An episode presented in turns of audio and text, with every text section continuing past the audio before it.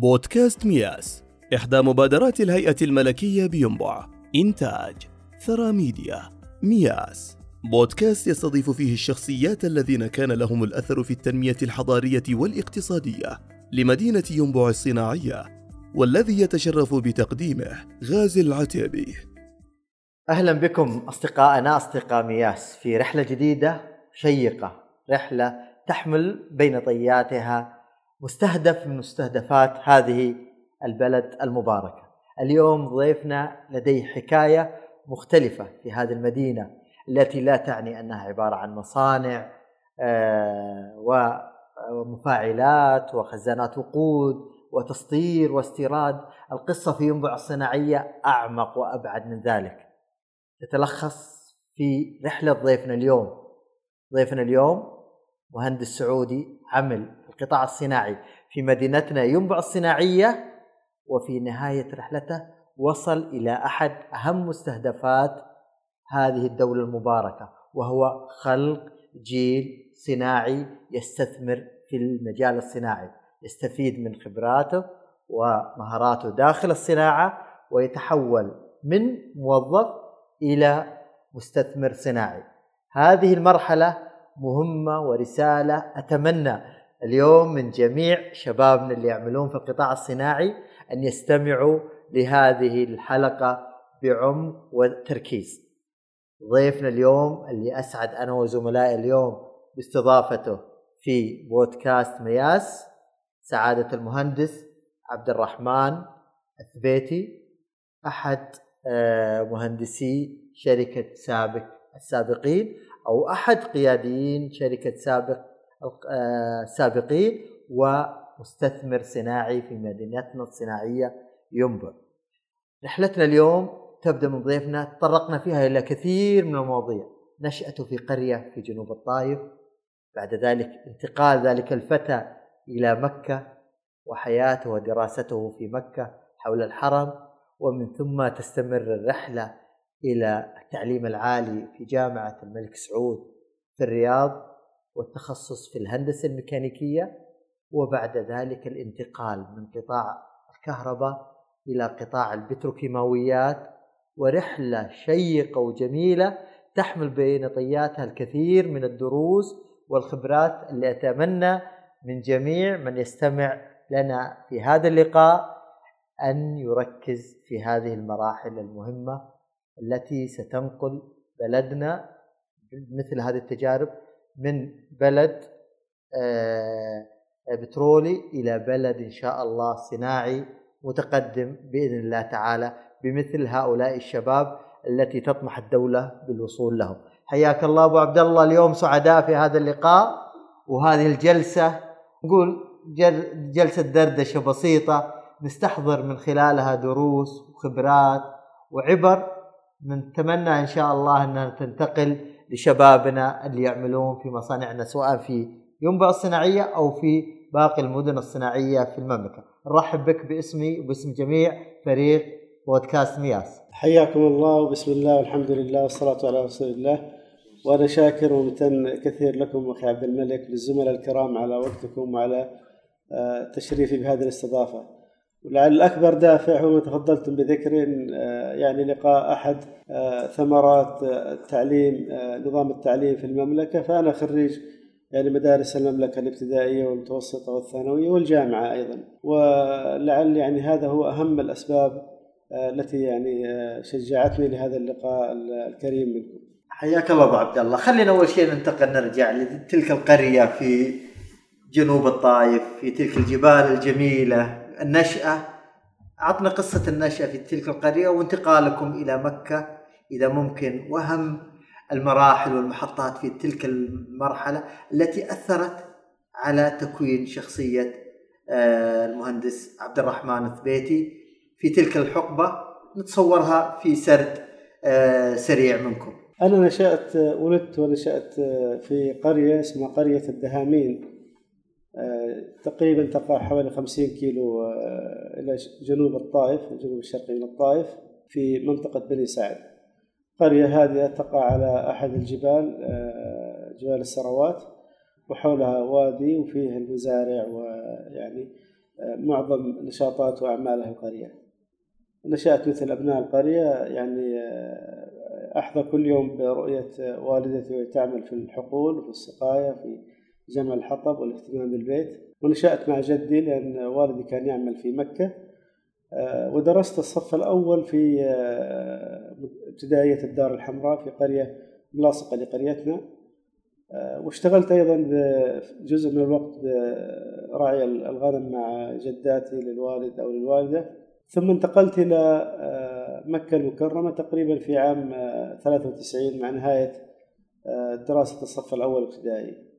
في مكة المكرمة كانت يعني نقلة نوعية. أذكر أول يعني دخلنا مكة في المساء فكان أول ما يعني لفت انتباهي و يعني الإضاءة في الحرم المكي كانت يعني شيء مبهر. يعني ترى الليل نهار في في المدن. وفي مكة المكرمة سكننا في حي الشامية في جبل يحد الحرم من شماله يعني سلسلة جبال قيقيعان اللي فيها جبل الهندي وجبل قرن وجبل المدافع وجبل دفان وجبل عبادي فكنا على قمة من القمم اسمها جبل قرن. وفيها مدرسة معاذ بن جبل الابتدائية. درست فيها يعني تكملة المرحلة الابتدائية. ثم انتقلت إلى مدرسة عرفات المتوسطة.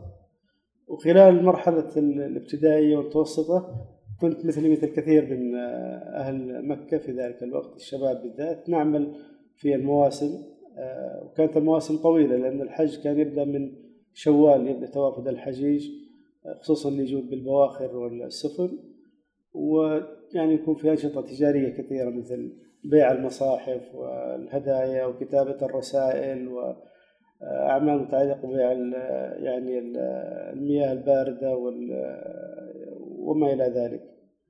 فكانت هذه طبعا تجربة جيدة لأي شاب يعني الاعتماد على النفس الاحتكاك ب يعني ثقافات ولغات مختلفة. آه، العمل أيضا من خلال المدرسة في آه، مع الكشافة في خدمة المعتمرين في رمضان. كانت من التجارب الجيدة في مرحلة الابتدائية.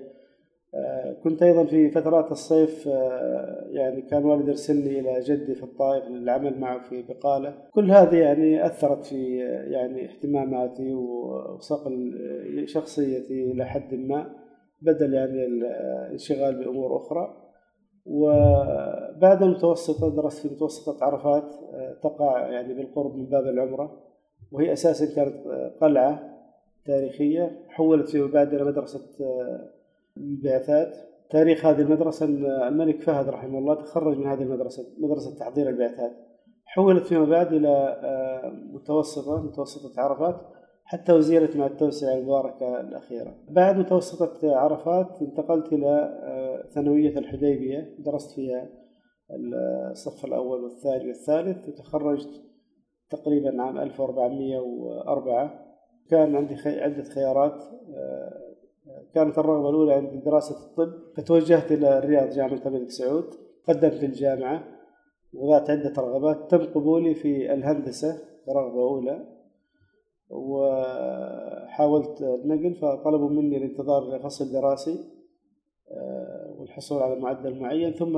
آه، يعني العودة لدراسة الطب في البرنامج العام البرنامج اللي يسمونه العلوم الصحية. وسكنت في مباني طلاب الطب في يعني تقريبا سنة ونصف إلى سنتين. لكن في نهاية الفصل الأول تعرفت على أحد طلاب الهندسة الخريجين مصادفة لأن كانت معظم موادنا في كلية العلوم فما كنا نذهب لكلية الهندسة إلا توقيع أوراق الجداول أو التعاريف إذا احتجنا أو أوراق تخفيض الرحلات أثناء السفر. في تلك الفترة قبل الاختبارات تقريبا بأسبوع تعرفت على آه، أحد الزملاء آه، الله يمسيه بالخير كان آه، يعني على وشك التخرج وعرض علي يعرفني على الكلية وقام أعطاني جولة كاملة في الكلية. كانت الكلية عبارة عن يعني عشرة يعني تخصصات. كانت تخصصات. من خمسة ست تخصصات لكن عشرة أقسام. لأن كلية العمارة والتخطيط كانت موجودة داخل كلية الهندسة.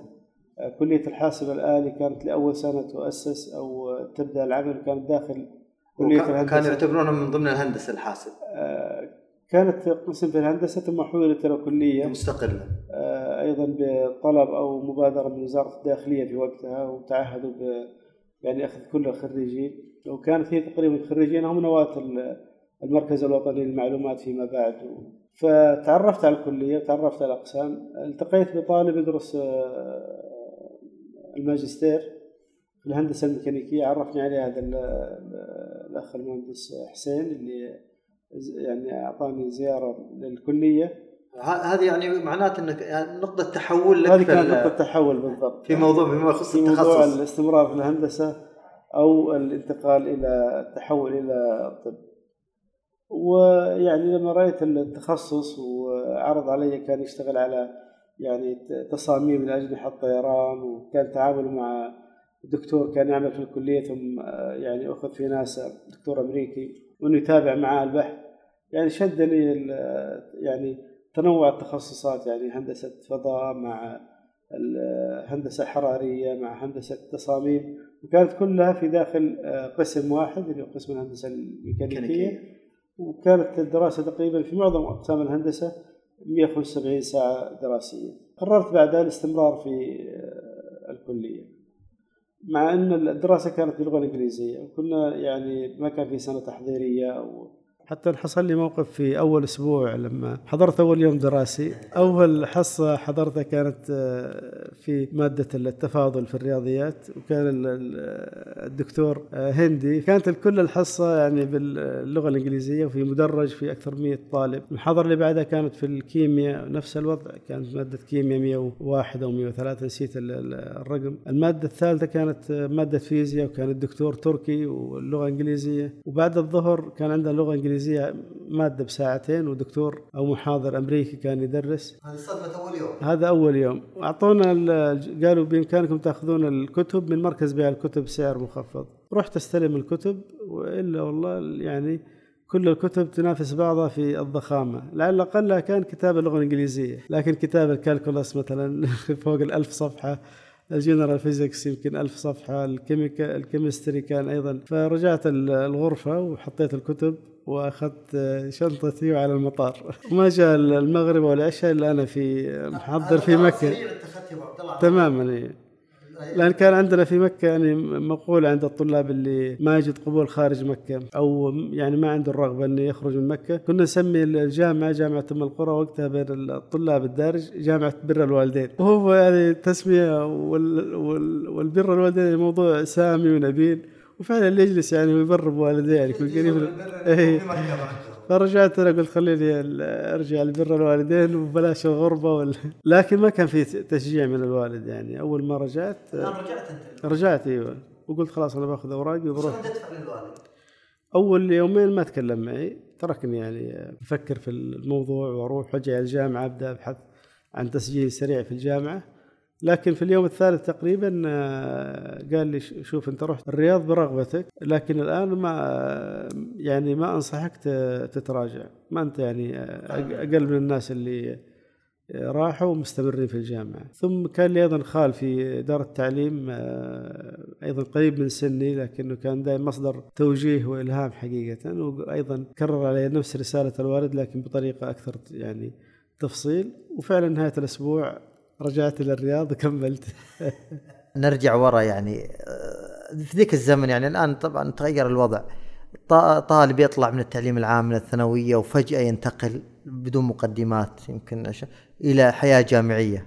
زي ما تفضلت قبل شوي آه، نظام تعليمي مختلف نوعية مناهج مختلفة.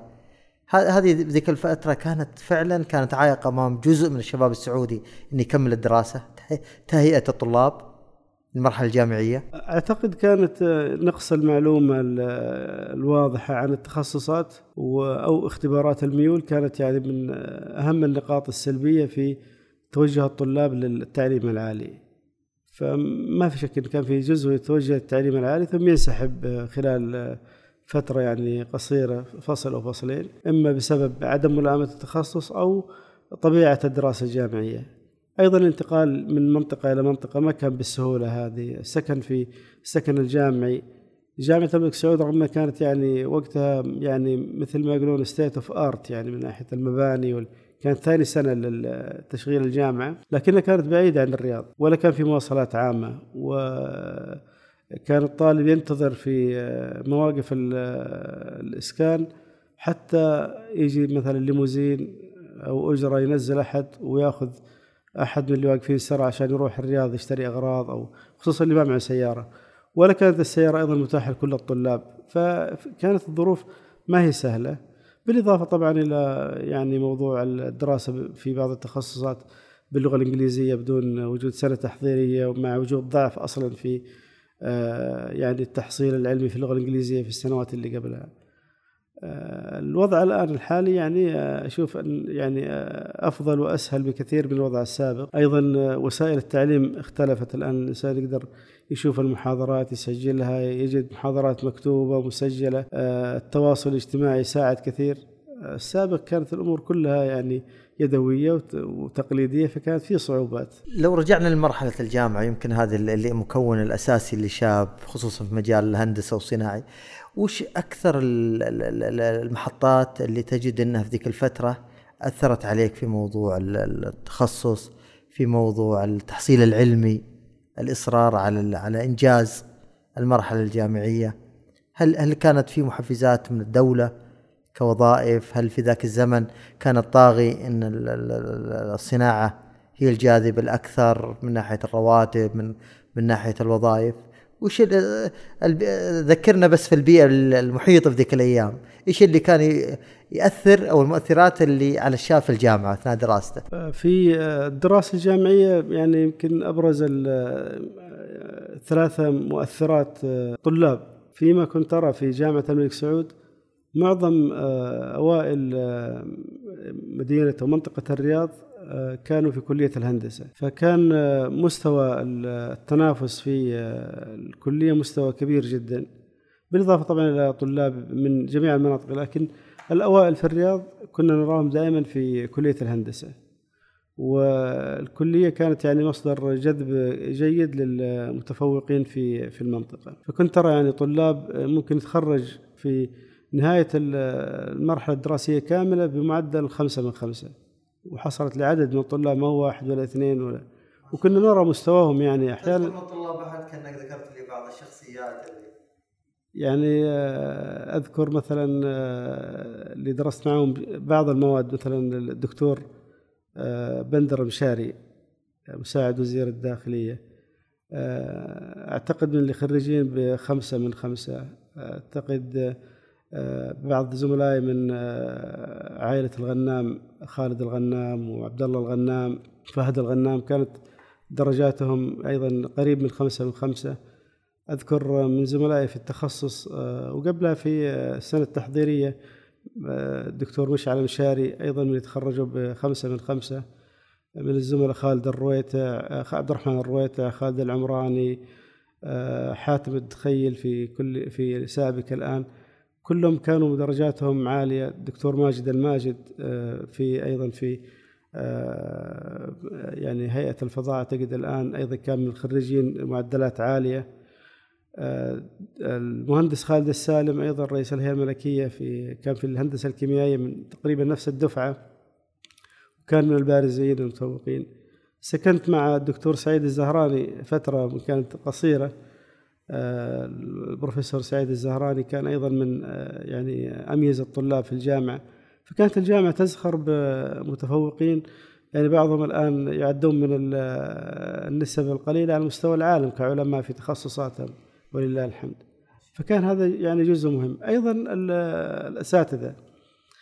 آه، معظم الأساتذة كانوا في كلية الهندسة سعوديين ومن خريجين الجامعة. وابتعثوا وعادوا للتدريس في الجامعة فكان مستواهم آه، عالي جدا وطريقة تحفيزهم أيضا عالية وكان أكثرهم يعمل إما استشاري أو عضو مجلس إدارة في آه، بعض يعني الجهات الهندسية مثل مشاريع التحلية أو آه، سابك أو آه، وزارة الدفاع بعضهم أو في حتى مشاريع أذكر مشاريع الحرم فكانوا يعني يربطون جزء من دراستنا بواقع الصناعة الموجود وليست فقط الجزء النظري فهذه كانت أيضا يعني تعطينا جزء من الدافعية للاستمرار في هذه التخصصات. المحفز الثالث كانت التسهيلات اللي الحكومة تمنحها للطلاب السكن مجاني، الإعاشة يعني شبه مجانية ب يعني تكاليف رمزية. التنقل بالطيران كان بنصف قيمة التذكرة.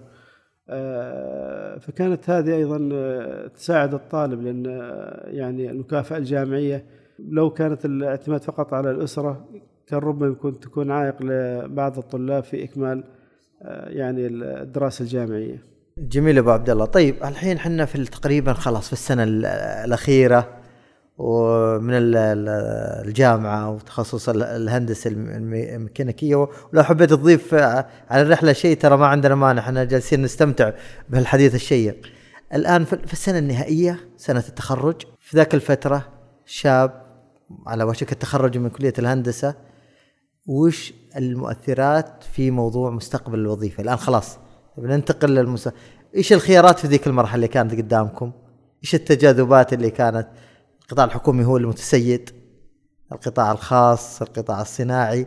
يا ليت نفهم الاجواء في ذيك المرحلة خصوصا في في الترمين الأخيرة في عمر الطالب الجامعي في فترة الثمانينات أتوقع. أنا تخرجت في في عام 90 آه، ميلادي وتقريبا آه، في شهر يناير آه، كانت آخر يعني فترة الدراسة. اللي كان يوافق وقتها يعني أزمة الخليج واحتلال الكويت. بعد توقفت الدراسة يمكن ثلاثة إلى أربع شهور. لكن السنة اللي قبلها كنا طبعا نحضر أيام المهنة اللي تنظمها الجامعة. ويعني نشوف أيضا عروض الشركات. وأتذكر يعني كان فيه بالإضافة إلى سابق كان في بعض المصافي آه، آه، تقدم عروض للطلاب. وبعض الشركات آه، في الصناعات التحويلية خصوصا في المدن الصناعية اللي في الرياض وجدة والدمام. وأيضا كان في زيارات إما الكلية ترتب زيارات لبعض الجهات الحكومية مثل وزارة الدفاع الكليات العسكرية أو بعض الجهات الحكومية مثل وزارة الداخلية أو وزارة الدفاع. آه، تزور الجامعة لالتقاء بالطلاب والتعريف بحاجتها لكادر مهندسين في مشاريع الوزارات أو الجهات الحكومية. آه، كان طبعا يلعب يعني في اختيار الطالب آه، يعني نوعين من يعني المؤثرات. المغتربين في الغالب يعني يطمح إنه يرجع إلى منطقة قريبة من سكنه الأساسي. آه، والمهتمين بالتعليم العالي آه، المهتمين بالتعليم العالي كانوا أيضا آه، يرغبون في الالتحاق بالجامعات ل يعني إكمال الدراسة الأكاديمية الماجستير والدكتوراه. أنا كان قراري إني أرجع إلى الغربية بحكم وجود الوالدين وإخواني في مكة والعمل إما في مكة أو في جدة. خصوصا إني تدربت في آه، تدريب الصيفي آه، أخذت تدريبين صيفية أحدهم كان في شركة الكهرباء في محطة توليد في مكة والآخر كان في آه، شركة الغاز الأهلية غازكو في الطائف. فكان امامي يعني أيضا جهتين كانت ممكن تكون يعني مناسبة بالإضافة إلى التحلية. ومع ذلك لما تخرجنا يعني أخبرونا أن بدأوا يعطون الوثائق للخريجين آه، توجهت للرياض فترة توقف الدراسة. التقيت بأحد الزملاء المهندس عبد العزيز عبودي الله يذكره بالخير واتفقنا نروح وزارة الدفاع. وجدنا ترحيب شديد يعني من الوزارة حتى كانوا على استعداد يوقعون على يعني آه، قبول العرض في في الزيارة نفسها. كان كعسكريين ولا مدنيين؟ كعسكريين. لكن قلنا يعني خلونا نرجع لأهالينا نستخير ونعبي الأوراق ونرسلها بعد ذلك أنا في توجهت إلى جدة وأيضا ينبع.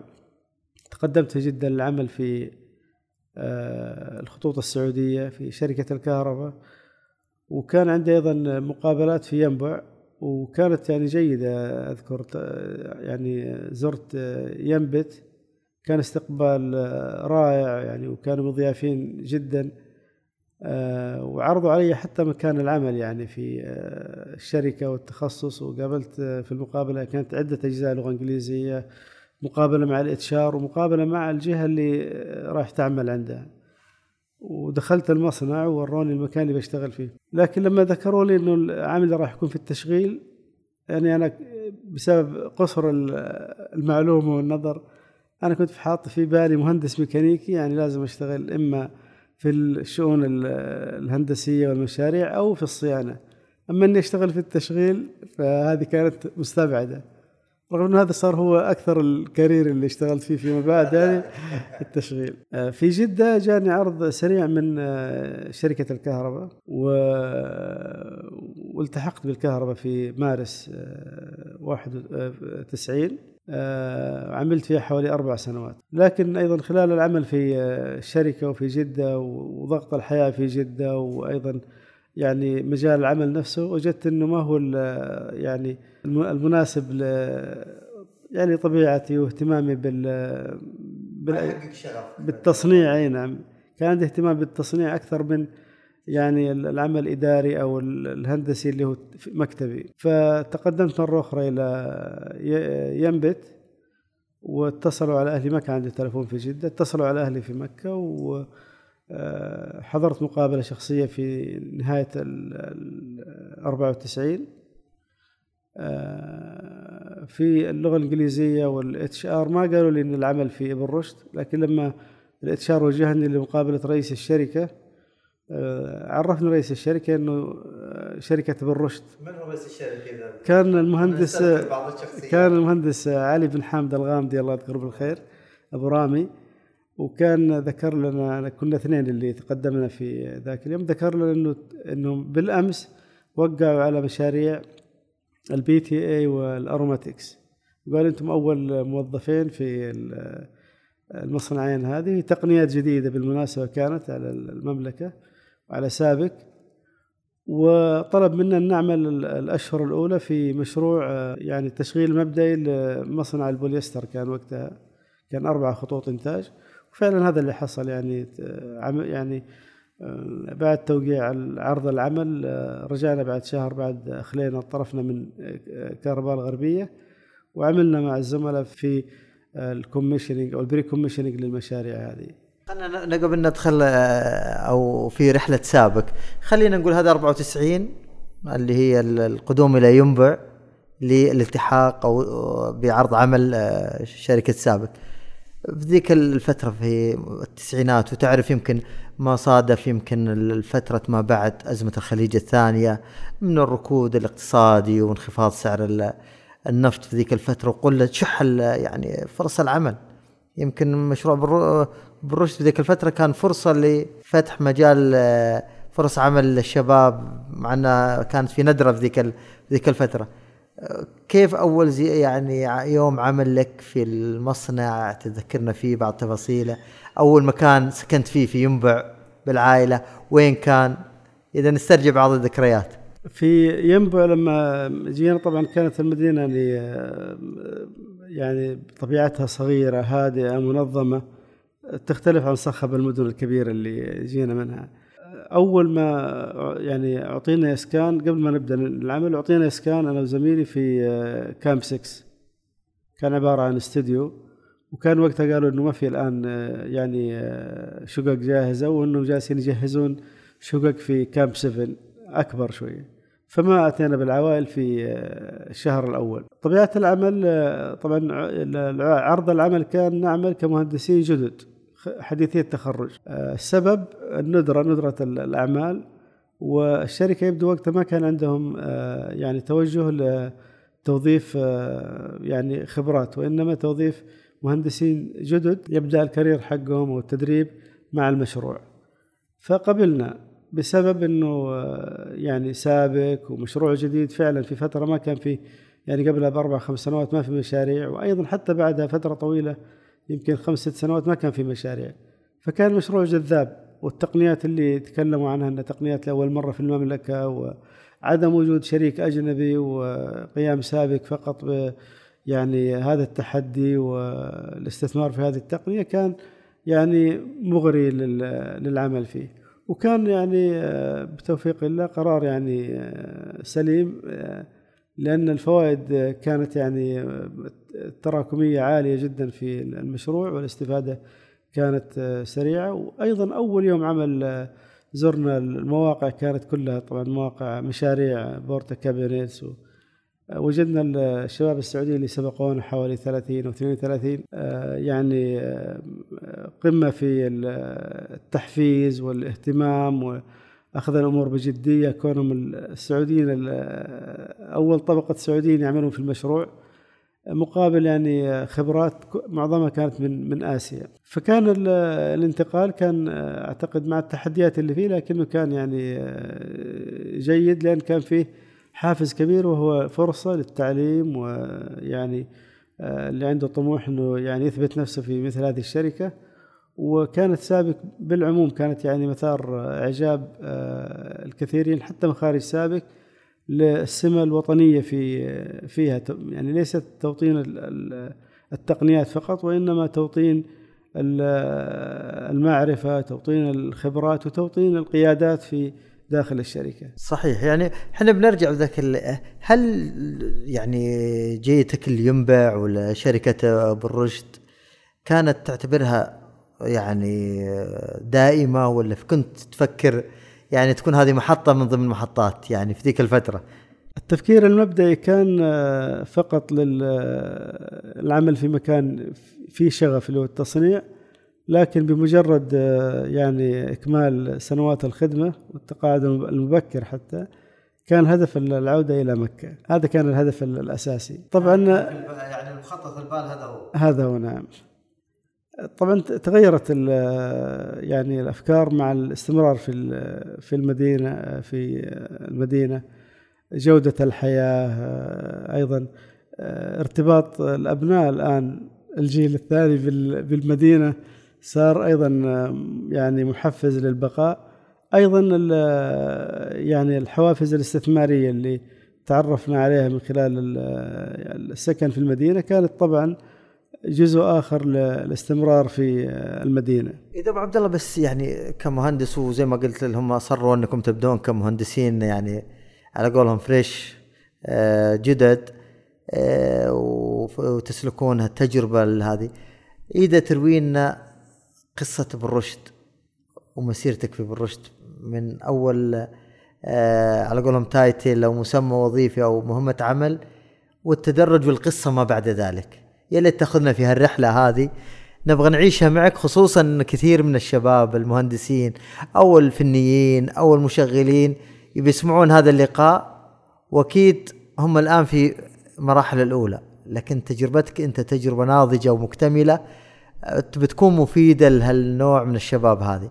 فيا ليت تعطينا سرد لهذه الحكاية وتنقلك في وحدات المصنع والترقيات والمشاريع اللي اشتغلت فيها طول الفترة هذه في بالرشد آه الحمد لله يعني توفيق الله سبحانه وتعالى في قبولنا. أنا وزميلي آه، أحمد فاز على الغامدي بالعمل كمهندسين جدد. رغم إنه في بدايته كان يعني فيه يعني مثل يعني الزعل ليش يعني تنزل رواتبنا ليش ما تحسب خبراتنا.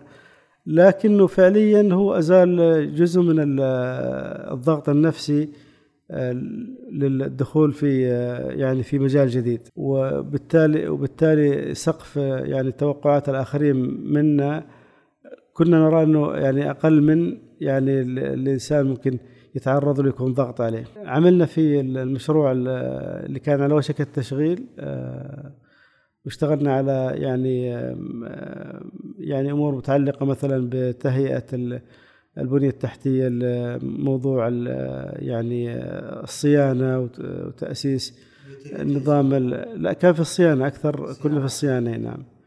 واشتغلنا في أيضا استلام يسمونها التست باكجز اللي هي ال ال يعني بعد ما تخلص الأعمال الإنشائية يتم تسليمها كأجزاء.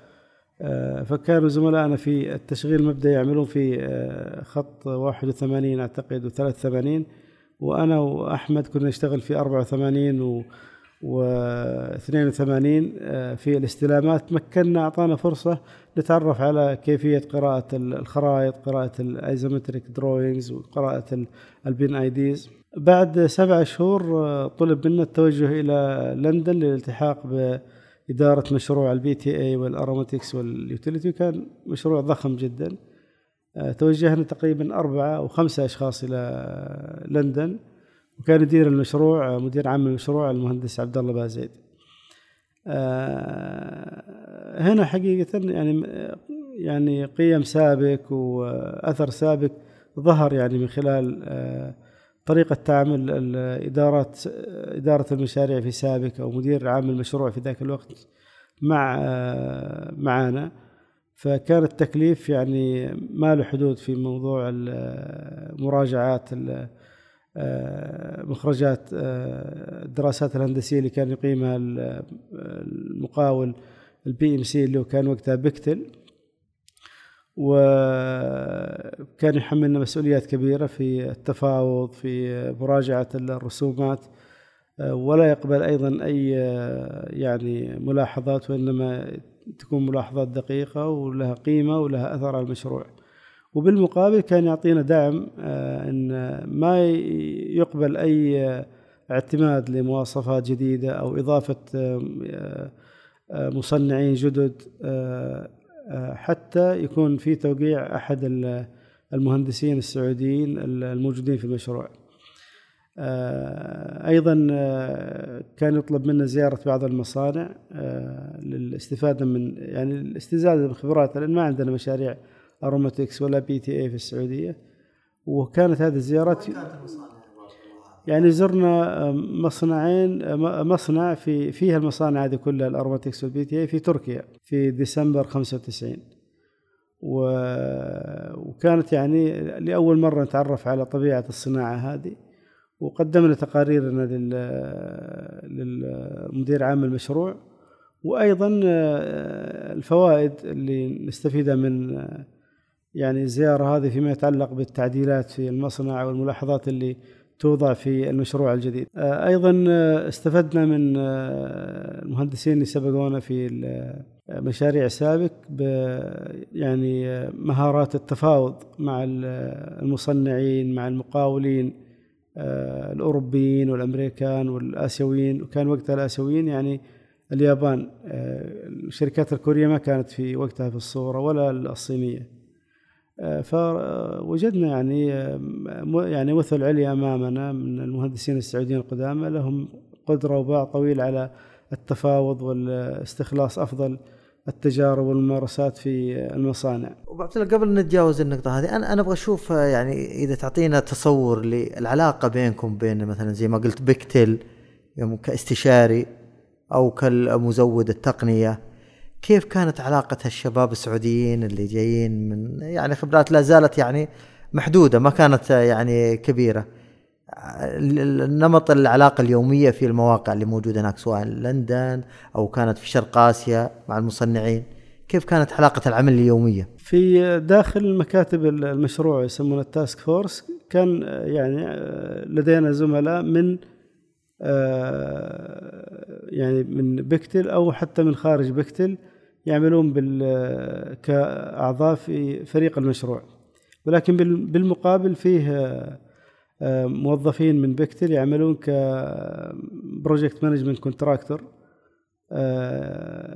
يقدمون للشركة المخرجات الدراسات والمواصفات الأولية أو كراسات استجلاب العروض لأنه كان وقتها تجهيزها تقريبا. وتقوم الشركة ومهندسينها بمراجعة يعني المواصفات هذه والتعديل عليها و آه، ردها للمقاول آه، لتحسينها. آه، كانت بيئة العمل فيها كثير من التعاون وفيها أيضا ندية في يعني تعامل. لم تكن يعني مثلا بحكم خبرتهم وجود system و processes عندهم يكون عندهم يعني يد أعلى أو فوقية بالعكس كانت يعني التعامل بالند بل بل إنه نعمل كشركة موظفة لهذه الشركة. وكانت هذه تقريبا يعني الروح هذه بثها مدير عام المشروع بحكم يعني خبرة وتعدد المشاريع اللي يعني تمت في سابق قبل مشروع بالرشد وكيف يتعاملوا مع الشركات العملاقة هذه. حتى أذكر أن في بعض المواصفات لا يعني رفضت من إدارة المشروع وطلب من المهندسين السعوديين يعني القيام بها مثل مثلا موضوع ال pre-commissioning procedure يعني موضوع ضخم جدا. موضوع قطع الغيار والتبادلية في قطع الغيار داخل المصنع لم توكل للمقاول أو مقاول المشروع. أيضا موضوع الزيوت وزيوت التشحيم والتزييت وعمل مواصفات عامة لها بحيث أنها تغطي كل المعدات بمصادر متقاربة حتى ما تكون متعددة ومتفرقة ومكلفة. كل هذه عهد إلى إدارة المشروع من المهندسين السعوديين للقيام بها وليس المقاول. يعني أذكر مثال حي يعني المقاول فترة من فترات كان يرتب اجتماعات مثلا مع يعني صاحب التقنية ولا سنسر. فأذكر مرة مدير عام المشروع جاء وجد كان عنده مرتب يروح اجتماع لل مع مزود الخدمة أو التقنية. فوجد عدد من موظفين بكتل يعني جايين بشناطهم جاهزين للسفر. فاستفسر من السكرتارية إيش اللي صاير؟ قالت له والله طالعين معاك الاجتماع. فقال لها لازم يقدمون طلب موافقة قبل ما يتحركون.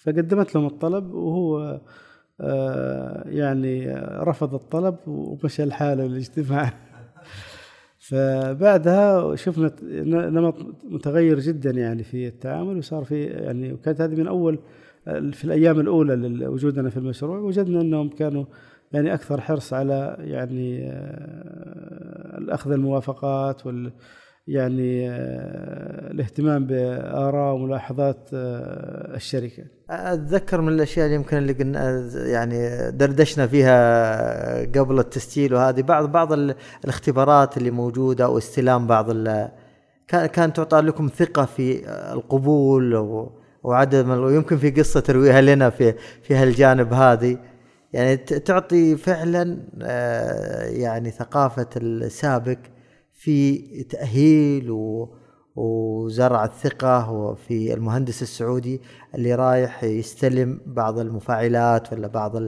الوحدات المصنع في الشرق أو في الغرب. يا ليت تروي لنا هالقصة إذا كانت تحضرك ابو عبد الله؟ هذه فعلا المرحلة الثانية المشروع اللي بعد آه، اختيار المقاولين وتوقيع العقود تم توجيهنا إلى آه، العمل مع المقاولين. بقيت إدارة المشروع في لندن وإدارة الخدمات المرافق وال utilities في لندن لكن مشروع ال PTA كان في إيطاليا مع شركة تكنيمونت ومشروع ال aromatics كان في اليابان مع شيودا فكان أنا يعني آه، توجيهي إلى مشروع ال PTA وتم يعني آه، انتقالنا إلى ميلانو آه، أنا وأحد الزملاء كنا اثنين سعوديين فقط مع فريق المشروع آه، عدد آخر من المهندسين من بريطانيا ومن تركيا ومن أيضا من الهند كان معنا مهندسين أو ثلاثة. في إدارة المشروع كان يطلب من مدير المشروع إنه ما يكون فيه أي خطاب أو مواصفة ما يوقع عليها مهندس سعودي فتعتبر آه، غير ملزم غير ملزمة للشركة وتحمل مسؤوليتها إدارة المشروع آه، الإدارة الفرعية للمشروع ال PTA على سبيل المثال أو ال aromatics فهذا مكن مكننا. نحن كنا اثنين سعوديين فقط أنا مهندس ميكانيكي وزميلي مهندس طارق صديقي مهندس كيميائي. آه، فكان كل شيء تقريبا في المشروع حتى فيما يتعلق بال أعمال إنشائية بالأعمال الهندسة المدنية ال control system كانت كلها تمر علينا. حتى الأشياء الإدارية اللي ما يتعلق بالفحص والتدقيق ال inspection مثلا كانت تمر علينا. فهذا في الجانب النظري والمعرفي. صح إنه وضع علينا عبء كبير ووقت أطول للعمل لكنه أعطانا أيضا آه، يعني دعم للاستزادة والمعرفة وجعل إنه يعني لابد نعمل في في هذا الجانب. آه، كان من ضمن مسؤولياتنا استلام الأجهزة اللي يسمونها ال critical equipment اللي هي تأخذ وقت أطول في التصنيع وهي أحيانا تكون أيضا مثل ما يقولون unique يعني خاصة بتقنية أو process معينة فمثل ما تفضلت يعني كان فيه أكثر من حدث حصل قد يكون حصل أيضا للزملاء مثله لكن أذكر اللي حصل لي أنا يعني على الأقل نوعين من الاختبارات حضرتها. كان عندنا في ال PTA خلاطات أو agitators تركب داخل المفاعلات آه، وكانت طويلة بعضها يصل إلى تسعة أمتار أو عشر أمتار الطول. مركب عليها طبعا مراوح بتصاميم معينة حتى تعمل الخلطات هذه. معظم آه، يعني إنتاج ال process حقت ال PTA عبارة عن يعني خلطات يعني مثل ما تقول معلقة. يعني سائل مثل الطين له آه، يعني سائل لزج له يعني بودرة وله أيضا سائل. وفي نفس الوقت يعني كروسيف يعني قابل للصدأ بشكل كبير و ويعمل تحت يعني ضغط عالي وحرارة عالية. فكانت هذه المعدات أيضا حساسة وغالية معظمها إما تيتانيوم المعدن بأوزان ضخمة تيتانيوم أو stainless steel المستويات الأعلى من stainless steel اللي يسمونها ال duplex stainless steel أو 317 L. المهم في شركة من أقوى الشركات في العالم اسمها إيكاتو صنعت حوالي 24 من 27 agitator. وفي ثلاثة كانت صنعت في اليابان في هيتاشي. فطلب مني أحضر اختبارات ال 24 هذه. وكنا وضعين في المواصفات mechanical test وفي كل مواصفة أنا أكد عليه أنه يكون في mechanical test فلما رحت موقع الشركة وضعوا الموتور مع ال gear box مع الجزء الأخير من ال shaft أو من العمود وركبوا عليه المروحة في بير عندهم موجودة وجهزوها يعني أول آه، اختبار. فأنا شفت الموضوع وقلت لا أنا المطلوب منكم تعملون test لل بشكل كامل. لل لل agitator بشكل كامل. آه، جلسنا يمكن ثلاث أربع أيام في اجتماعات واتصالات خارج يعني المدينة اللي كانوا فيها اسمها شوبفايم في جنوب ألمانيا. المحاولة لإثناء الشركة عن الطلب هذا. أنا جاني آه، يعني اتصلت بإدارة آه، مدير عام المشروع. وقال لي كل ما ترى مطلوب أنت المسؤول عنه ونحن ندعمك.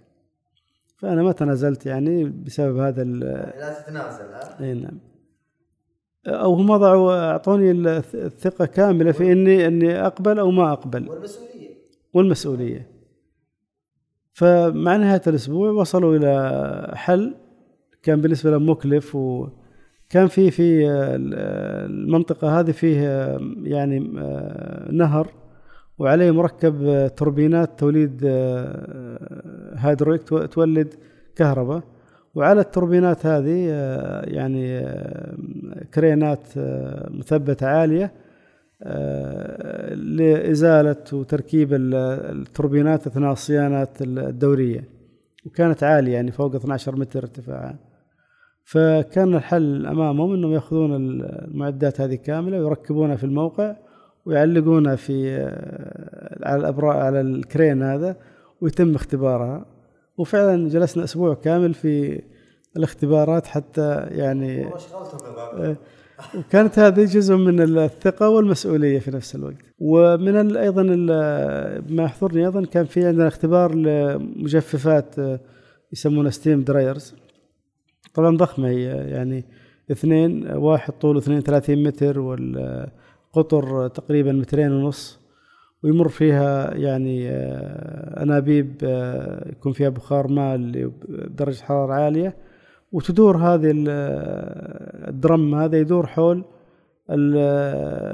الستيم هذا ويتم يعني تجفيف البودرة عن طريق دوران الدرم هذا. فلما زرت الموقع في اليابان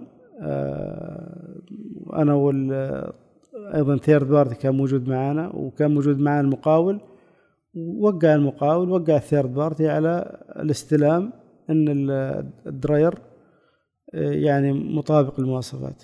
فأنا يعني اعترضت وقلت المفروض إنه ال dryer هذا يصير له mechanical test وليس فقط يعني قياس يعني أطوال وأبعاد والتأكد من كل يعني الأشياء اللي موجودة في في الرسم الهندسي إنها موجودة في الواقع. فايضا أخذ هذا يعني أيام حتى قدروا يجهزون مكان لتدوير الدرم كميكانيكال. الدرم اللي كان طوله 32 38 28 متر ونص آه، واثنين ونص متر القطر آه، دار بشكل جيد بدون أي آه، ملاحظات واستلمنا. الأطول أحدث صوت تموجات في أثناء الدوران.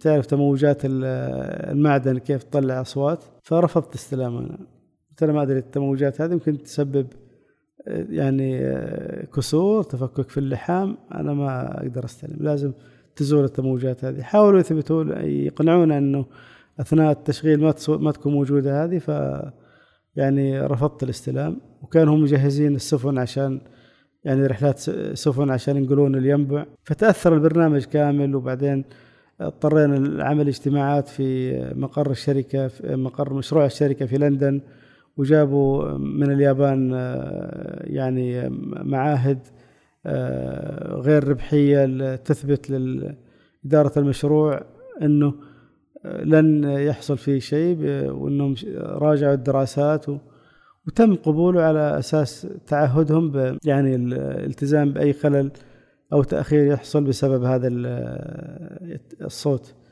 ولما اشتغل الدراير فيما بعد الحمد لله اشتغل بدون بدون صوت وكان يعني كانوا آه، يعني آه، تصميمهم وتشكيلهم للدرم هذا جيد.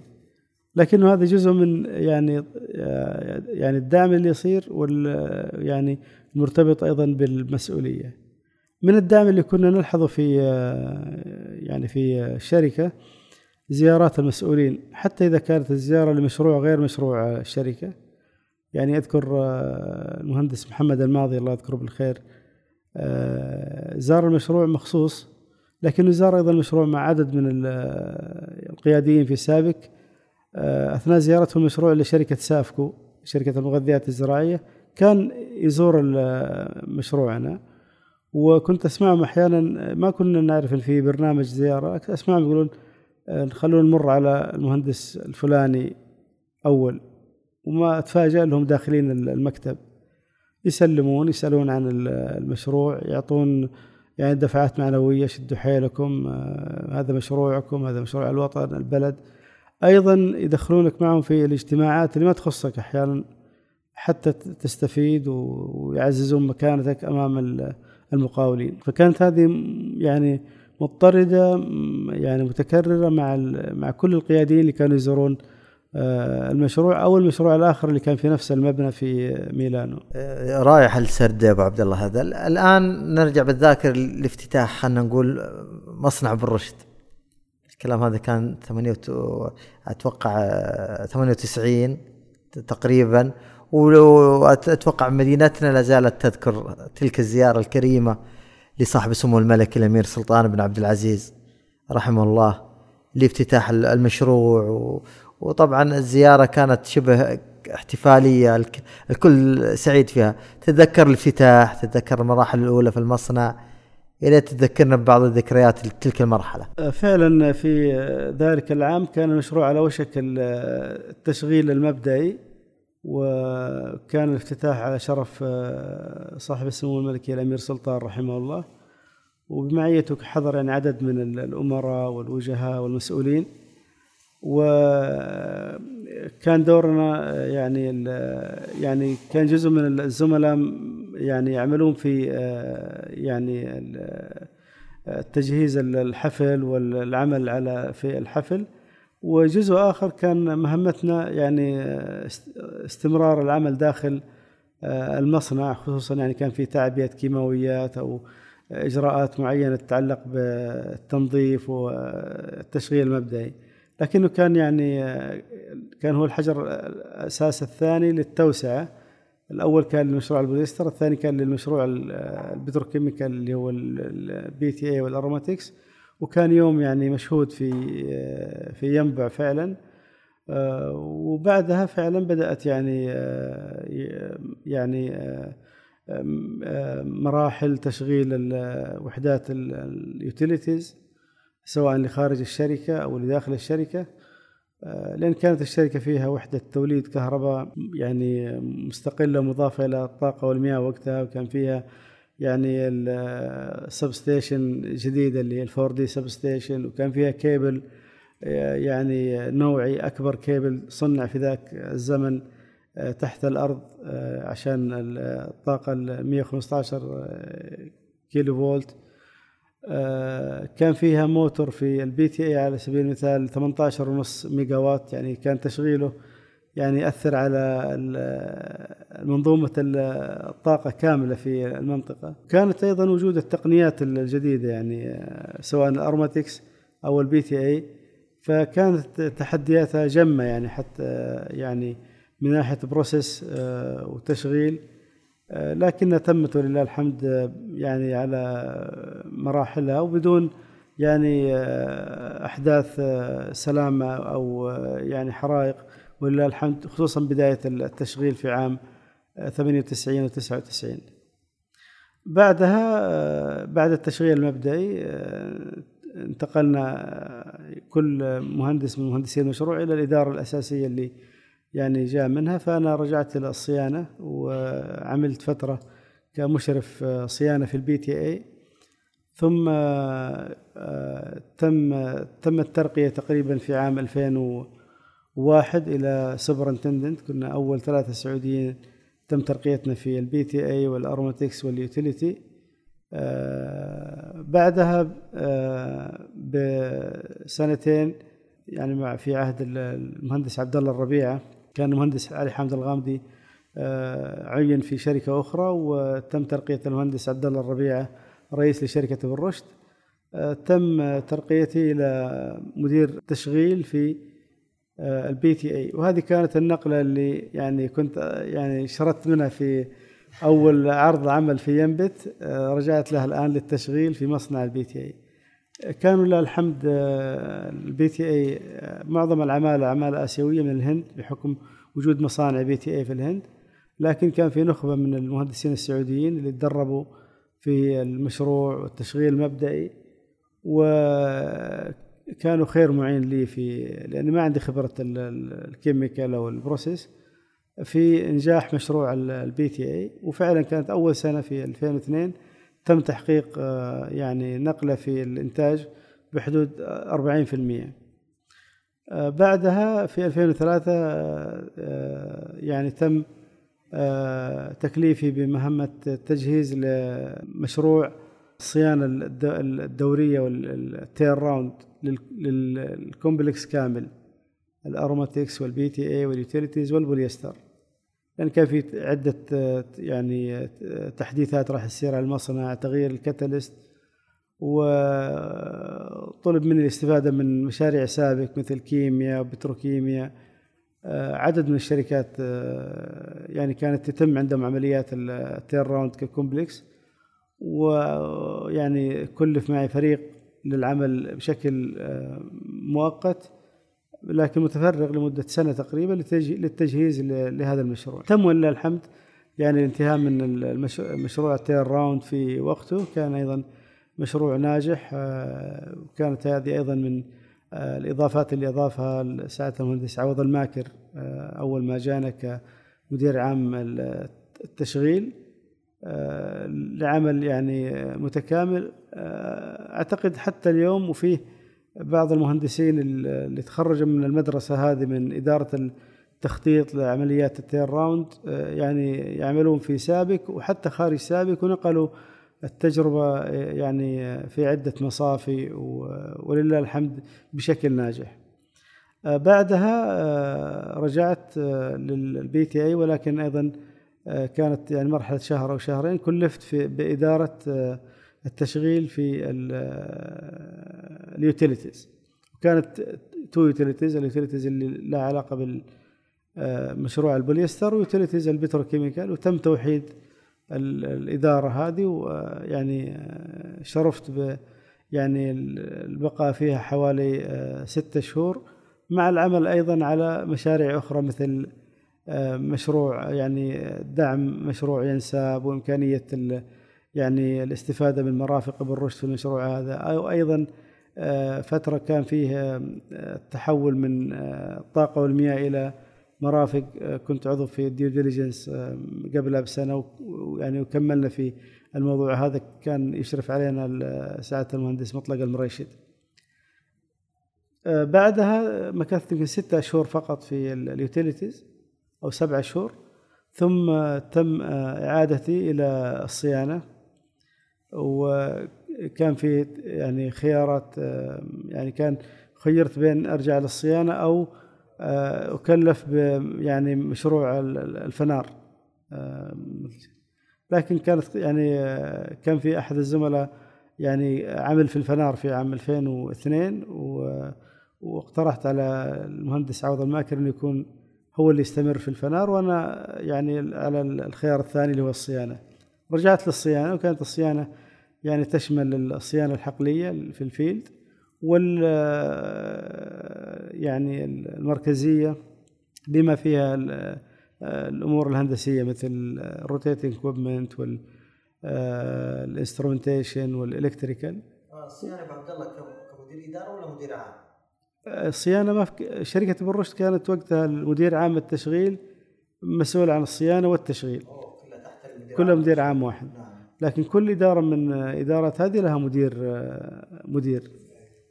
لنا هذه إلى الآن ما وصلت لمرحلة ال GM المدير العام لا ما زلت الآن يعني. وطلب مني في الفترة هذه كان في فترة توحيد السياسات في سابك ال unified policy والتحول من النظام القديم إلى يعني مشروع الفنار. نظام موحد في استخدام ال SAP في كل عمليات الشركة. 6 modules يعني HR ومشاريع والمحاسبة والمشتريات والصيانة والتشغيل وإدارة المخزون. آه، فكان مطلوب آه، يعني أدير فترة التحول هذه.